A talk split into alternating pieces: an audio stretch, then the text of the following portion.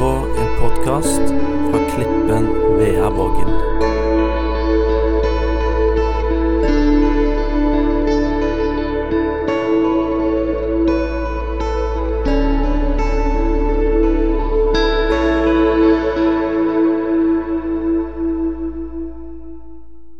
Men for november så satte vi temaet Guds plan som en slags overskrift. Eh, og Leif Frode han var og starta. Eh, Utfordra oss litt tidlig i måneden. Så hadde vi Svein Kåre Dahl på besøk. Personlig vitnesbyrd om Guds plan for hans liv. Der han nå har sagt opp jobben sin eh, for å rett og slett reise rundt og forkynne Guds ord på heltid. Det er ikke så mange reisepredikanter igjen. Så husk å ta med Svein Kåre i, i bønn. Det er fantastisk, det han har gjort. Eh, Så hadde vi besøk forrige helg av Kjell Oldik. Han snakket jo om å lufte blikket. Og det er å gjenoppdage Guds herlighet og det Gud har for deg i livet ditt. Og så får jeg da lov til å avslutte vet ikke om jeg skal kalle det en møteserie. Men faren når du er sistemann, er jo at alle poengene er brukt opp. ikke sant? At du bare ender opp med en sånn 'jeg er enig med det de andre sa'. Uh, men jeg tror vi har litt ulike vinkling, alle fire som har vært her. Og egentlig, hvis det er noen som har stjålet fra meg, så er det Alexander Brobakk, som var tidligere i høst. Men det er greit. Sånn er det. Jeg tror vi tåler å høre et par bibelvers på ny. Kjære far, takker deg for ordet ditt. Eh, takker deg for det du har for oss i dag. Ber Hellige Ånd om at eh, du taler gjennom meg nå. Og så ber jeg om at den tida vi går inn i, at det ikke skal bare være kaos og planlegging og organisering, men at vi har tid til julens budskap om frelse og om fred. Amen. Elsker jul, jeg. Syns det er helt fantastisk. Over 40 år har jeg blitt, men allikevel så syns jeg julen er helt, helt nydelig. Forventninger ikke sant, som ligger tjukt i lufta, til og med som meg, faktisk. Ja, så er det noe med den tida når det er mørkt og kaldt og ufyselig ute, og så er det lyst inne, ikke sant, og det er varmt før peisen, selv om vedene blir skrekkelig dyre. Eh, og så håper vi ikke sant, at det skal komme snø, og det skal bli kvitt, og det skal bli rolig. Eh, og så vet vi jo det at det blir aldri sånn. Ja, det blir kuling fra vest, sørvest, og så regn. Tre plussgrader. Alltid mer stress enn kos. Eh, og For meg så, så, liksom, så kommer den, den, realiteten den treffer meg som regel når jeg skal ut på, på juleshoppingen. For det har jeg noen sånn underlige forventninger om at nå skal jeg ut på julehandelen, jeg har lista med, jeg skal ha de og de presangene. Dette skal bli så koselig. Jeg skal sette meg ned på kafé, ha meg litt kaffe, kanskje en smultring. Og så ender du opp i bilen fire timer seinere, gjennomsvette, utsliten. Du har fått tak i to av de tolv presangene du skulle ha. Ja. Du ble så stressa i køen på den ene butikken at du brukte et ord som du strengt tatt skjems av at du brukte. Ja. Og, og, og, så sitter du der i bilen og tenker du bare Var det dette? Var det dette det skulle bli? For vi har så høye forventninger til ofte at det, det det går jo ikke. De kan bare ikke bli innfridd. Men siden det fortsatt er november, så skal vi få lov til å drømme en liten stund til. Drømme oss vekk i disse forventningene våre. Når begynner jula? Det er jo blitt ei heit potet. Og etter min mening så begynner det på fredag. 1. desember, Da er det innafor. Ja? Da kan du begynne å høre på julemusikk. Da kan du ta deg noe julebrus eh, i glasset, eh, og du kan begynne å pynte litt med lilla. Så egentlig så passer det perfekt. Det har jeg sagt før, at Mats og Karina faktisk inviterer til julekonsert eh, nå på fredag. Da går startskuddet. Og Her har vi jo tjuvstarta litt.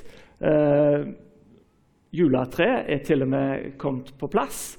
Eh, og det passer bra, for det er der utgangspunktet på talen min er. Og det er vel, ja, Skulle sagt det for 40 år siden. Jeg kom på Klippen for å tale om juletre. Men det er utgangspunktet.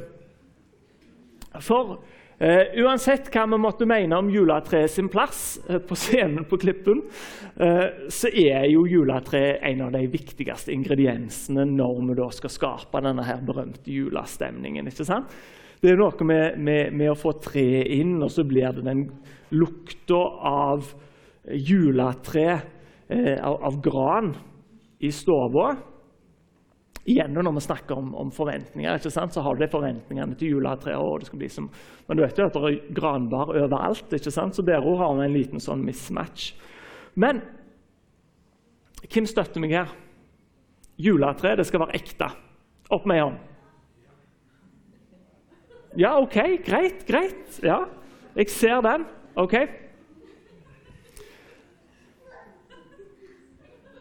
Og Den er ikke sikkert dere våger å svare på, men opp med ei hånd hvis du har pynta juletre allerede. Ja, OK, ok, ja, men det, det, var godt. Det, det, var godt. Det er greit nok at dere skal få ha de plasttrærne deres, men eh, ja. Jeg, jeg, har helst lyst til å pynte det litt i julaften jeg vet til ungene mine sin store fortvilelse. For det første så kjøper vi alltid små trær, syns de, og så venter jeg til siste nikk med å sette det inn. Men OK, lese i Bibelen. Egentlig så tar jeg den bare med som staffasje, for jeg har alt her i dag. Men skal, i dag skal vi lese fra Jesaja, kapittel 11 og vers 1 og 2. Det var altså Jesaja 11, vers 1 og 2. Men en kvist skal skyte frem fra Isais stubb, og et skudd fra hans røtter skal bære frykt. Og Herrens ånd skal hvile over ham, visdoms- og forstandsånd, råds- og styrkesånd, den ånd som gir kunnskap om Herren og frykt for ham. Guds plan var jo tema her. og Det første verset her det er på en måte Guds plan eh, kokt ned i én setning på, på 18 ord. Altså, dette er løftet om det som skjedde utenfor Betlehem for, for 2000 år siden. Eh, hvor Jesaja profeterer om den Messias som skal komme. Samme, men, men o, ikke bare er det en profeti om Messias, men, men det er òg en sannhet for mitt liv, ditt liv og, og, og, våre liv. Men først Alltid litt sånn nerding først. Isai var jo pappen til til kong David. Ikke sant? Eh, og så er det da kanskje litt løye at Jesaja velger å snakke om Isai her. For Isai var jo ikke kongelige. Altså, det begynte jo når, når David ble salva til konge. Så, så, det var jo ikke noe kongelig slekt sånn sett, i seg. Det var jo da først med sønnen hans. Eh, og når Jesaja kommer med profetien, så er jo kongeriket som David regjerte over, det er jo delt i to. ikke sant? Og, og det har vært gjennom en del sånn nedgangstid, skal en si det sånn. Men du har et Nordrike Israel, og så har du Sørriket Juda. Og Noe av grunnen til splittelsen var jo nettopp det at det de var en uenighet om betydningen av kongslinja. Altså da fra Isais stubb, altså den, den linja der. Eh, for Sørriket, altså Juda, de regna linja fra David som den eneste rette kongelinja. Og Jesaja han fungerte jo i en slags sånn han, altså han var en profet, misforstå meg rett, men han var jo òg en viktig rådgiver for kongene i Sørriket. Han hadde en eh, enormt viktig posisjon der, fra Usaya til Hiskia. Og Det var dagens historie. Men husk det da, at for Jesaja, da, som var i Sørriket, så var kongelinja voldsomt, voldsomt viktige for dem. Uh, og Han profeterer at det skal komme da altså en ny konge fra Davids slektstre som skal regjere med perfeksjon, ikke sant? Altså med visdom og med forstand. Han skal dømme rettferdig. Det, er den perfekte konge han beskriver her. egentlig Isaiah. Og Han skal altså da komme fra en stubbe, fra noe som en gang har vært et stolt tre, men som nå er mer dødt, bare et minne om noe som en gang var. Og det jeg da har gjort her, er at jeg, altså, vi, vi, skal tenke litt på stubben i Jesaja opp imot juletreet vårt. Og hva hadde Jesaja tenkt hvis han hadde kommet inn i stovene våre lille julaften, når jeg da faktisk har pynta juletreet mitt? ikke sant? Der det står i all si prakt. Og jeg er altså som sagt voldsomt glad i juletreet. Det skal være ekte. Merk dere det. Det skal ikke noe plast inn. Dette kommer kom jeg til å, til å, angre på sikkert om 20 år. at jeg har stått her. Og Hvor lenge ligger podkastene ute? Gjert, går det an å bare Sånn om i tiårs tid kunne du Nei? OK. Uh, uh, det skal være ekte, som sagt, og du skal selvsagt pynte juletre. Det skal vi ta oss tid til. Er uh, du skal få opp kulene og pyntefigurene. Du skal gjøre treet til ditt. For det er minnene våre som blir bygd her. Og vi henger minnene våre på treet. Det er figurer og ting som ungene har lagd. Eh, lysene det er de jeg arva fra mamma. Og så begynte pærene å svikte.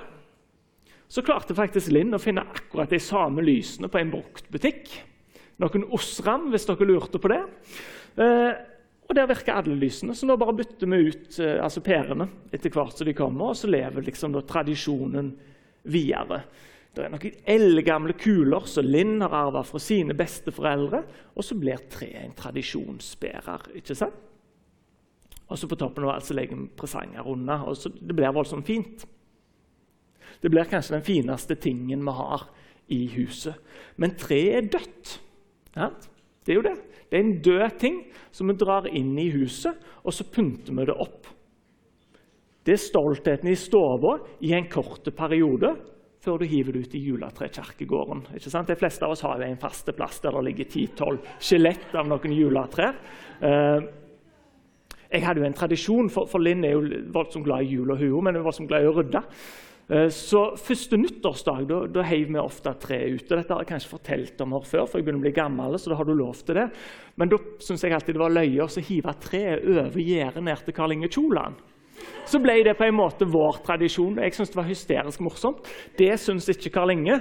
Eh, og til slutt så eskalerte det sånn at en morgen jeg hadde gjort det, så skulle jeg ut noen timer senere. Da hadde Karl Inge massakrert juletreet mitt, så det lå altså kvister og greiner overalt på inngangspartiet vårt. Eh, og da, da slutta vi med den leken. Men juletreet er en død ting. Det er avskåret fra røttene sine. Og uten røtter så er det ikke noe liv. Og I sjølransakelsens ånd så burde jeg definitivt ikke snakket om uh, dette temaet som dreier seg om trær og, og hage og busker. For altså, Mitt forhold til den type ting det er å klippe plenen en gang i uka. Det er det jeg kan. Jeg er ingen arborist, altså en tredoktor. Uh, når vi bygde hus, tridla vi ut ferigplen. Så jeg er på det nivået der. Det var du som skulle hatt denne talen, Lili, som faktisk vet noe om, om planter. Men jeg våger meg likevel. For hvis vi òg da bruker hage som bilde på livene våre, og så tenker vi på trær i hagen som ulike områder av livet vårt, da kan vi fort slå fast at vi har stubber i livene våre, sånn som Jesaja her snakker om. Når du har nådd voksen alder, så begynner du allerede å få en del stubber. Det er ting i livet som gikk skeis. Det gikk absolutt ikke sånn som du planla. Den berømte drømmen som ble til et mareritt. Det er tabber, feiltakelser. Det var de gangene du svikta. Noen av stubbene i livet er digre. Ja. Du hadde et svært majestetisk tre i livet ditt. En kilde til stolthet, glede. Og så ble det sagt ned. Og så er noen stubber de er små. For det var noe som gikk galt ganske tidlig i prosessen. Eh, det så lovende ut. Det skjøt fart, og så bare kollapsa hele greiene. Vi har alle de stubbene. Men ser du det at julas budskap den er jo om håp, og at det er håp òg for stubbene i livet ditt. Og hvorfor har vi stubber? Altså, noen ganger er stubbene helt og holdent din egen feil. Du gjør et dumme valg, og så blir konsekvensen av valget en stubbe. Det hevdes jo at du tar 35 000 valg i løpet av én dag. så det er klart altså, Noen av de valgene der, eh, der går det gale. Altså, du velger feil. Eh, meg som har diabetes eh, og av og til får lågt blodsukker, da velger jeg ofte feil. Da Theo, velger jeg Nugatti på skiva mi. Selv om jeg vet at uh, for blodsukkeret mitt Isak, ikke sant, så er ikke det det gunstigste. Jeg burde heller valgt salami. ikke sant? Men det er et feil valg som heldigvis da ikke, ikke får den voldsomt store konsekvensen, med mindre jeg hadde gjort det alltid, naturlig nok. Men i andre tilfeller så kan ett feil valg få enorme konsekvenser. Uh, sånn som når du blir russ så kommer alltid politiet ikke sant, og besøker russen og forteller om hvor gale det kan gå hvis at du nå gjør feil valg. Den klassiske som de bruker, er denne personen som har drømt hele livet om å bli advokat. Men så er han russ, og så har han så lyst til å gå på russakro selv om han er for liten. og Så får han seg falsk legitimasjon, og så blir han tatt for det. Og så får du rulleblad, og så ligger da denne karrieren innenfor juss i grus. En stubbe før treet egentlig har fått kommet seg i gang. Andre ganger er det ikke din egen feil at du får stubber i livet ditt. Med vi menn vi vil som regel alltid plassere i denne kategorien. her. Det var andres feil. Eh, men det, det kan være uhell som skjer, ulykker. ikke sant?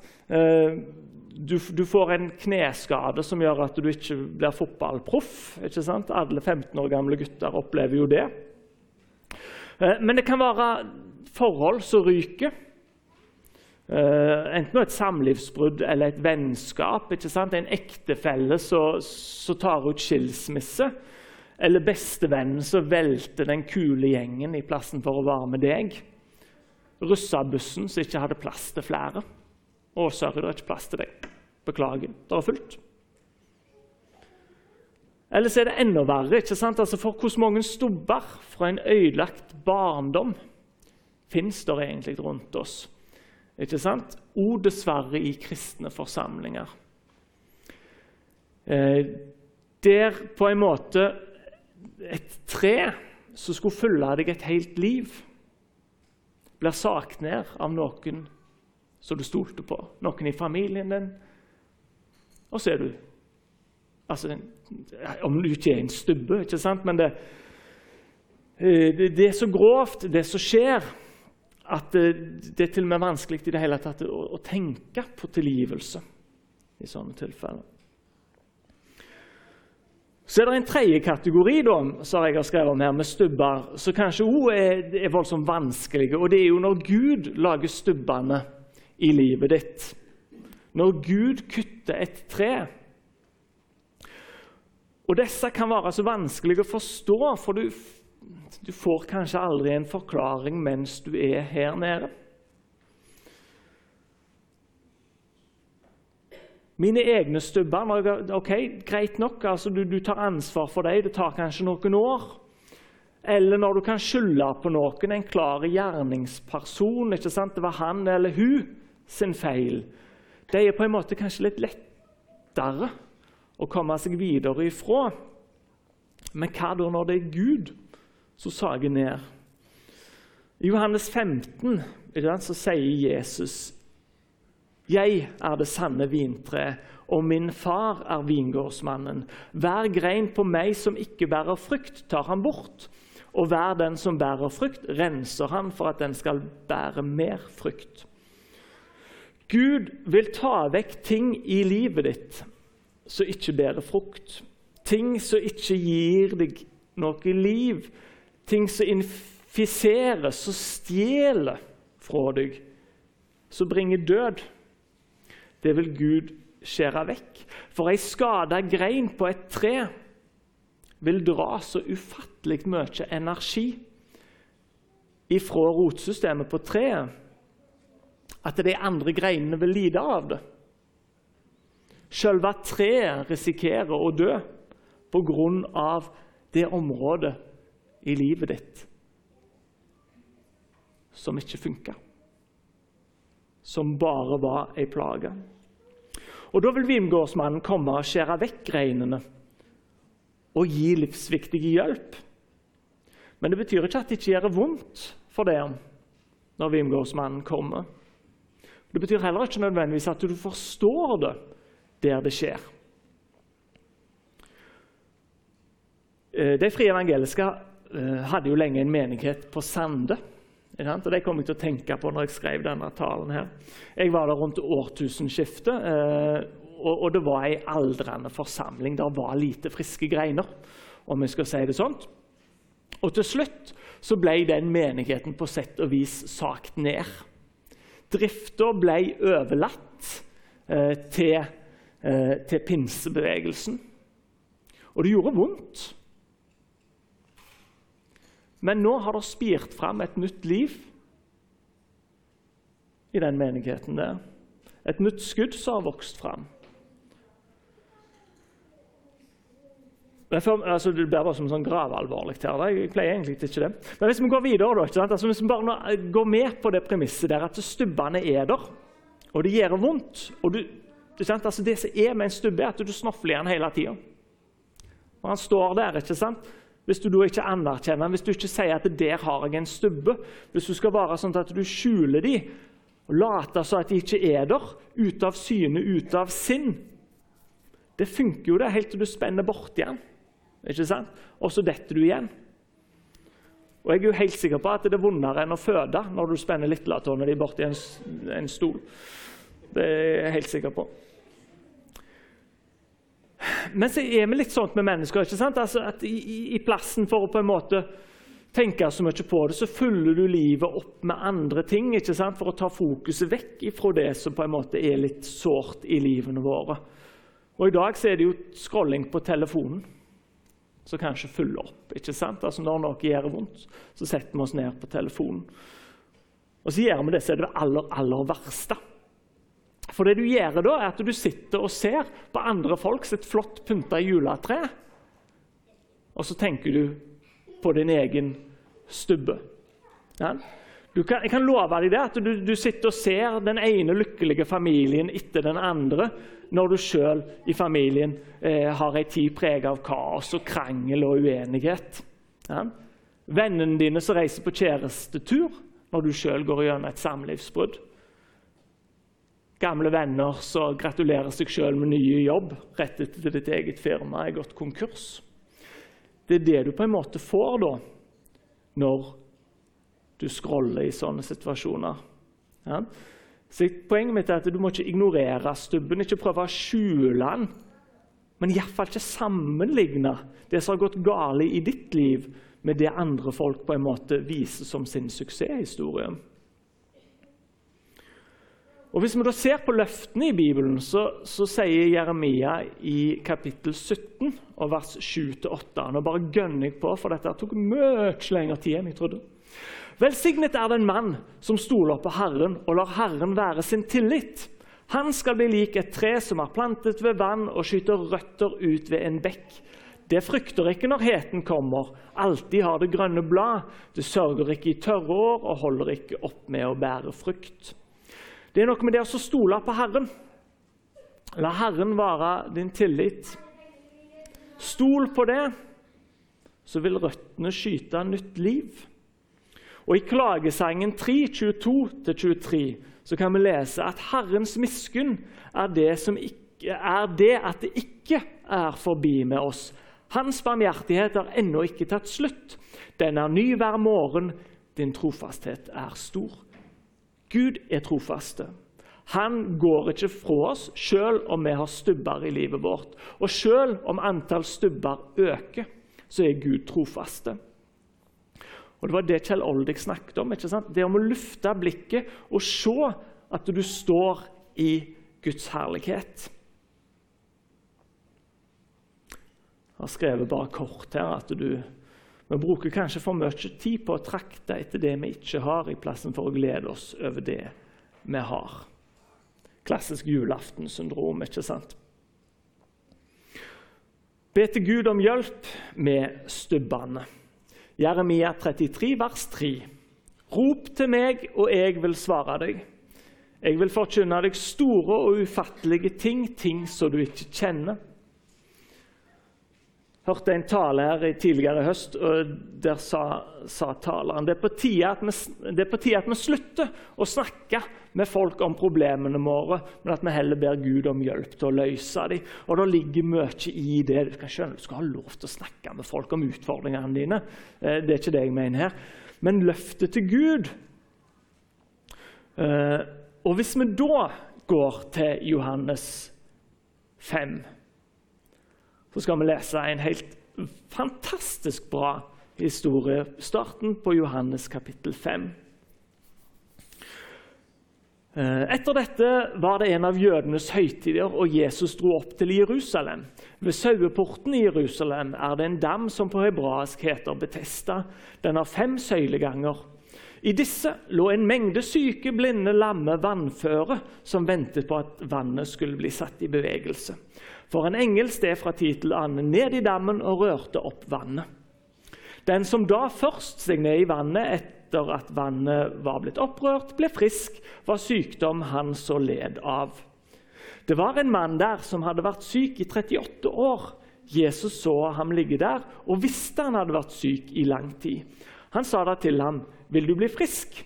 Den syke svarte ham, 'Herre, jeg har ingen til å kaste meg ut i dammen når vannet blir opprørt.' 'Og i det samme jeg kommer, stiger en annen ned før meg.' Da sier Jesus til ham, 'Stå opp, ta båren din og gå.' Og straks ble mannen frisk, og han tok båren sin og gikk. Men det var sabbat den dagen. Judeerne sa da til han som hadde blitt helbredet, 'Det er sabbat, du har ikke lov til å bære båren.' Det er tre ting vi skal se opp i denne fantastiske beretningen. egentlig. Uh, og Det første jeg skal snakke om, og nå kan det hende dere blir fornærma, og det skal dere få lov til å bli, men legg merke til hvordan Bibelen beskriver at det ligger en mengde syke, blinde, lamme osv. Altså samla på én plass. Og På engelsk så har vi uttrykket 'Misery loves company'. Ikke sant? Klagekoret, som hun kaller det. Og Hvis vi da lever oss litt inn i historien, så har det sånn ja, jeg kan si det sånn at det begynte å gå nedover når jeg mista den ene foten i koldbrann. Ja, ja, da var det ikke lett lenger. Bø! Prøv å være lam siden du ble født, du! Det er tøft, det! Og så vet du det at det ligger en borti hjørnet ikke sant, som bare rister på hodet. Ikke har jeg armer, ikke har jeg bein, i tillegg så er jeg døv, blind og stum. Prøv det! Altså, Det er alltid noen som har det verre. Ikke sant? Og når vi da på en måte ofte kappes om å ha det verst, så tror ikke jeg det er den beste metoden for å komme seg videre. Jeg jobber jo som hovedtillitsvalgt jeg da, ikke sant? Eh, for lærere. Og Fra tid til annen så samler jeg alle de tillitsvalgte fra de forskjellige skolene. Og Det verste eh, kanskje jeg kan gjøre, da, det er å stille spørsmålet ja, hvordan går det der ute. da? For da blir det en sånn konkurranse. Jo, se oss eh, mangler vi ditt, og se oss er rektor sprø.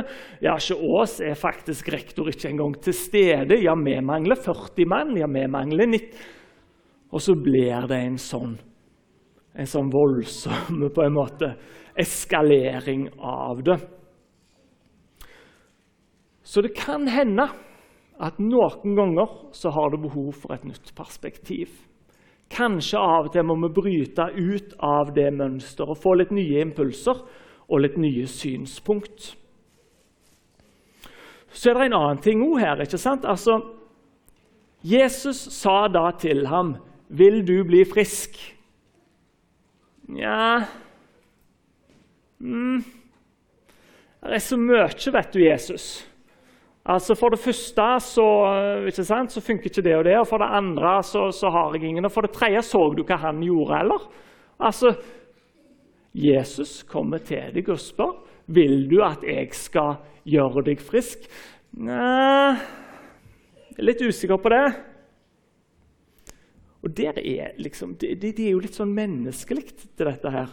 Altså, Jesus står jo her og tilbyr tidenes deal, og det eneste han behøver å si, er jo Ja, ja, Jesus, gjør meg friske. Det hadde vært fantastisk. Men i plassen for så, så ser han da denne her uh, syke mannen på at jeg ikke har noen som kan hjelpe meg. og I tillegg så er det alltid noen som tar plassen min. Og så blir det så galt vet du, Jesus, at jeg tror ikke, jeg tror ikke det er vits i at du helbreder meg. Det, det, nei. Og det siste er jo selvsagt disse her jødiske lederne. Ikke sant? Det er sabbat. Du har ikke lov til å bære båra.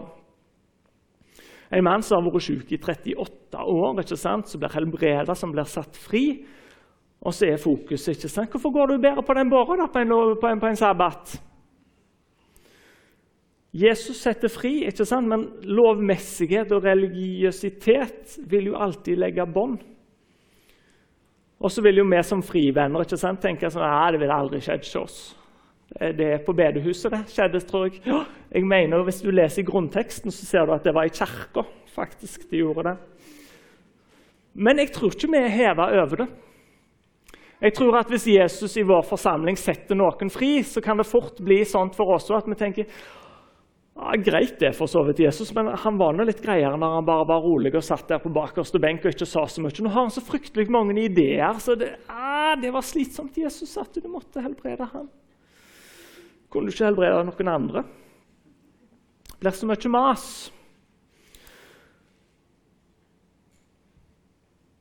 Jeg skal lande nå. Så jeg sier, Jula sitt budskap det er ikke et fantastisk flott pynta juletre med 1000 presanger under i ei stor, varme stue. Jula det er løftet om et nytt håp, om et nytt skudd som kommer fra den minst tenkelige plassen du skulle tro. Fra en stubbe som tilsynelatende var død. Fra det området i livet ditt der du tenkte at her er alt håp ute, så kan det spire fram noe nytt som vil bli til velsignelse, ikke bare for deg, men for alle rundt deg. Messias kom ikke til jorda sånn som mange jøder nok hadde sett før seg, som en mektig kriger med ei ildvogn og legioner av engler bak seg for å innta et palass. Ble født i en stall ei vinternatt der det bare var noen hurder som kom på besøk. Kongen som kom som et lite barn, som ei kvist, som vokste opp og bar ei frukt som har gitt oss evig liv.